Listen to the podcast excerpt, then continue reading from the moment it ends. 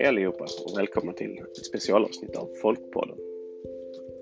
Jag sitter i mitt förtält där jag eh, just nu befinner mig på min semester på en camping. Och eh, ni kommer nog höra ljudet av eh, blåsten utanför som slår i tältduken. Bilar som kör och måsar som skriker.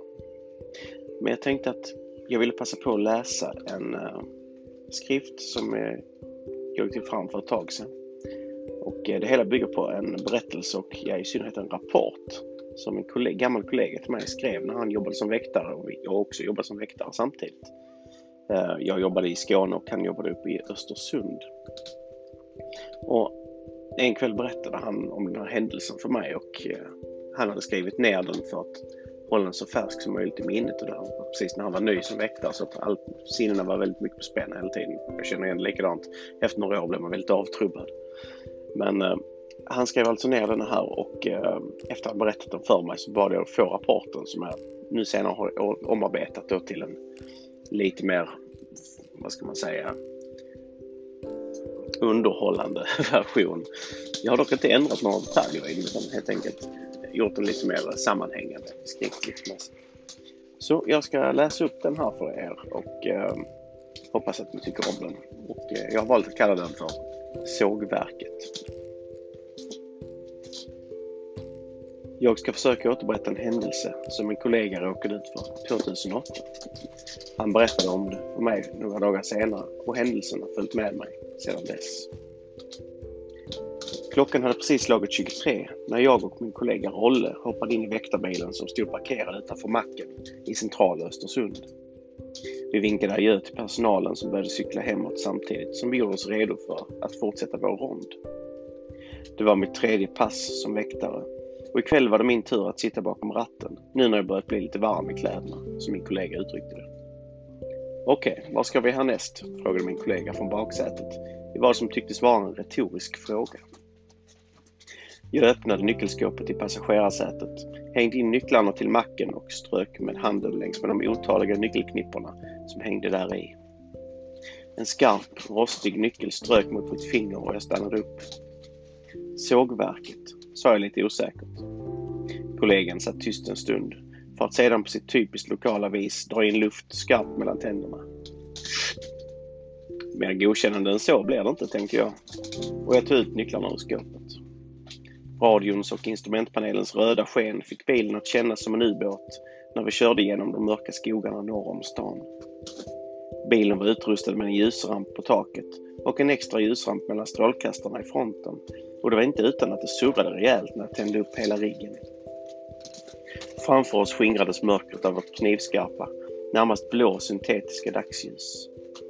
Träd, träd och åter träd. Följande raksträckor av illa skött asfalt var allt vi såg förutom den täta granskogen omkring oss. Överallt tycktes ögon kunna skymtas i periferin och jag var ständigt på min vakt för att hinna bromsa om en älg eller hjort skulle ta klivet ut i vägbanan. Jag sneglade på min kollega i backspegeln eftersom han varit tyst sedan vi lämnat macken. Han satt djupt försjunken i baksätet med sin telefon och ett svagt klickande hördes från knappsatsen när han skickade sms.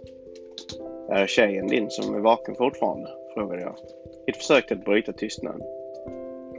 Ännu ett jakande, visslande ljud kom från baksätet när han drog in ny luft mellan tänderna. Jag struntade i honom och koncentrerade mig på vägen igen. Ungefär en halvtimme senare svängde vi av på en ganska bred grusväg med tydliga spår av all lastbilstrafik som dagligen passerade. Efter ett par kilometer skymtade vi det höga tornet på sågverket mellan trädtopparna.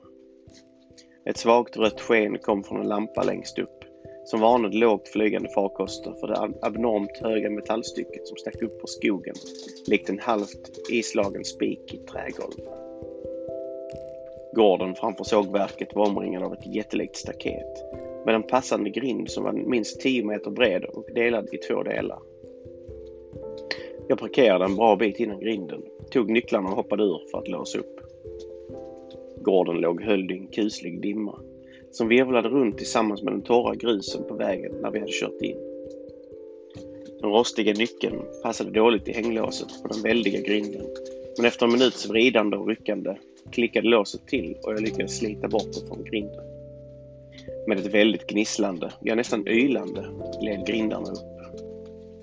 De lutade kraftigt på de rostiga gamla pelarna, med gångjärn som nästan hade svartnat av allt skit som samlats kring dem. Jag ställde upp grindarna, hoppade in i bilen och rullade fram till huvudbyggnaden. När vi närmade oss talade min kollega för första gången sedan vi lämnade stan. Ja men vad fan, det är tänt längst upp på kontoret. Jag lutade mig fram mot ratten och tittade upp på den stora baracken nedanför tornet och mycket riktigt kunde jag se ljus trimma ut mellan persiennerna på fjärde våningen. Ska vi ta med batongen undrade jag. Jag menar om ifall det är någon inbrottstjuv. Kollegan snäste till. Nej fan, det är säkert bara någon stackare som jobbar över. Ta med blocket och din penna så kollar vi legitimation. Om det ens är någon kvar där. Sagt och gjort. Pennan och blocket fick följa med och vi började vår rond. Enligt instruktionerna jag läst igenom innan passets början skulle ronden inledas med en yttre kontroll av samtliga byggnader. Men kollegan insisterade på att vi skulle börja på fjärde våningen så att vi fick det här överstöket.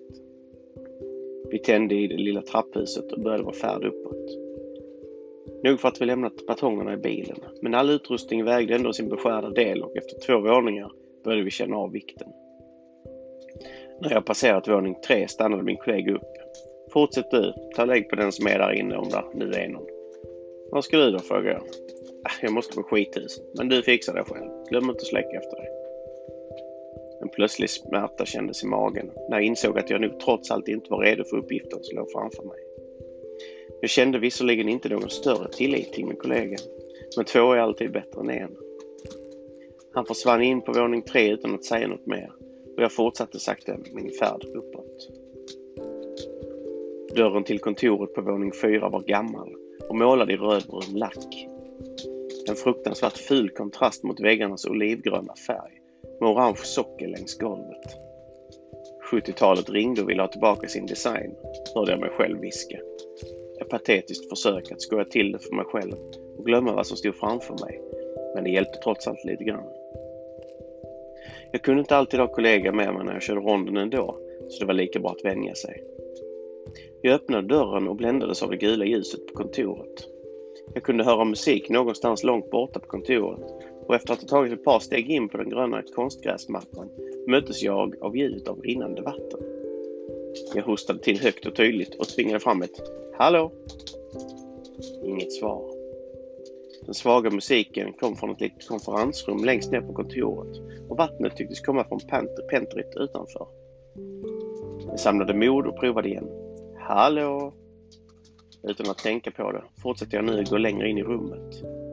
Jag stannade vid ett långt bord som stod mitt i kontoret och tog ett djupt andetag för att ropa en sista gång när jag plötsligt hörde att vattnet slutade rinna, som en kran som stängdes av. Jag frös till och en fruktansvärd ilning vandrade längs min ryggrad. Jag mådde fysiskt illa när varje muskel i kroppen var på helspänn. Och då hörde jag det. Fotspår mitt i rummet där musiken spelades och innan jag visste vad som hände kom en äldre man ut ur rummet. Han tittade på mig med ett lekfullt leende. Nej men se mig på, besök, ropade han. Jag tog ett steg åt höger för att befinna mig på samma sida bordet som mannen. Mitt namn är Jonas, sa jag ganska tyst men ändå tydligt. Jag jobbar som väktare i Östersund och jag upptäckte att det var tänt här när jag gick min rond. Mannen tittade på mig med ett fortsatt leende. Så trevligt med besök, det var länge sedan. Kom in och sätt dig, jag har gjort kaffe. Jag vände mig om mot dörren för att se om min kollega hade kommit ikapp mig. Men dörren var stängd bakom mig. Eh, jag måste tyvärr köra vidare strax, min kollega och jag. En duns avbröt mig och då såg jag att den gamla mannen nu satt på en stol framför mig och han hade ställt en kopp med rykande färskt kaffe framför mig. Din kollega kan vänta. Stig, drick nu en kopp kaffe med en gammal man, sa han och drog ut en stol till mig. Jag satte mig försiktigt ner bredvid mannen som började fråga mig om alldagliga ting. Vad jag hette, hur gammal jag var, hur länge jag jobbat som väktare och så vidare. Han var oerhört trevlig och social och det var något, men det var något som inte kändes riktigt rätt. Då och då vände jag mig om för att se efter om min kollega var på väg in, men ingen tur. Min magkänsla sa mig att mannen var bra, mycket äldre än pensionsåldern. Men det är klart svårt att se när någon levt ett hårt liv och arbetat i skogen hela livet. Efter ett par minuter hörde jag äntligen hur en toalett spolades på våningen under till. Äntligen, tänkte jag och sköt ut min stol från bordet. Göran, sa jag, skulle jag kunna få besvära dig om din legitimation? Företaget kräver att vi kontrollerar behörighet och eftersom jag är ny och aldrig träffat dig innan... Göran reste sig upp, tog fram sin plånbok och visade sitt körkort. Jag tog fram ett block och min penna och antecknade hans personuppgifter. Tack så mycket, sa jag artigt. Och tack för kaffet. Göran stoppade undan plånboken igen och tittade sedan på mig åter med sitt stora leende. Det är jag som ska tacka. Inte ofta man får besök nu för tiden och det är så trevligt att bli ihågkommen. Jag förstod inte riktigt vad Göran menade och han inte fundera så mycket mer på saken då dörren öppnades och Rolle hängde in med huvudet.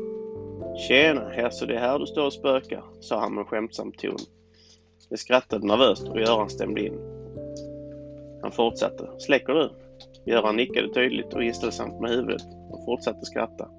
Och jag vinkade på den trevliga gamla mannen. Vi fortsatte vår rond som flöt på utan några större bekymmer och jag kände mig sakta men säkert allt mer bekväm. Nu när jag redan fått göra min första riktiga kontroll.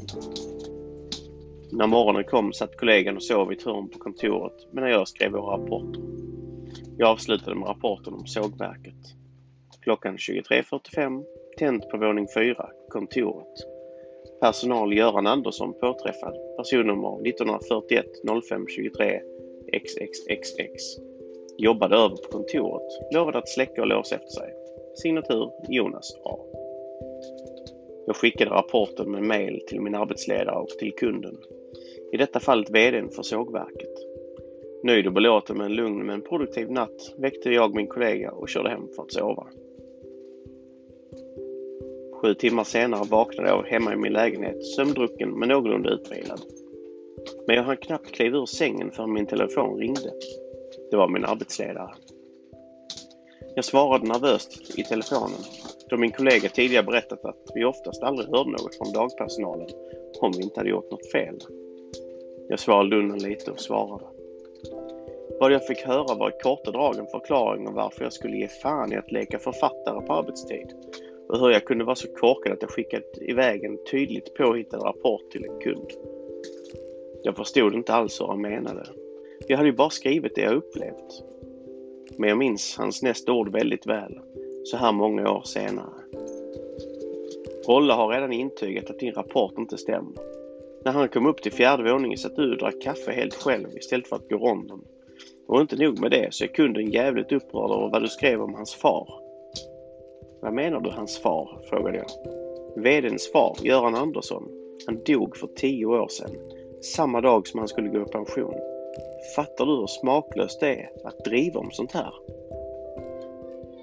Jag vet att det jag upplevde den där kvällen på ett sågverk norr om Östersund var verkligt. Även om det aldrig hände mig igen.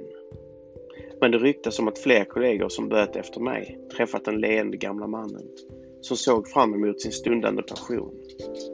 Men inga fler rapporter skrevs då min rapport hängdes upp i vaktlokalen som ett avskräckande exempel. Och så vitt jag vet gör de det ännu idag. Tack så jättemycket för att ni har lyssnat och jag vill påminna om att alla namn och platser, verkliga platser i den här historien har blivit ändrade. Men eh, visst är det en spännande historia. Tack än en gång för att ni har lyssnat och vi hörs snart igen.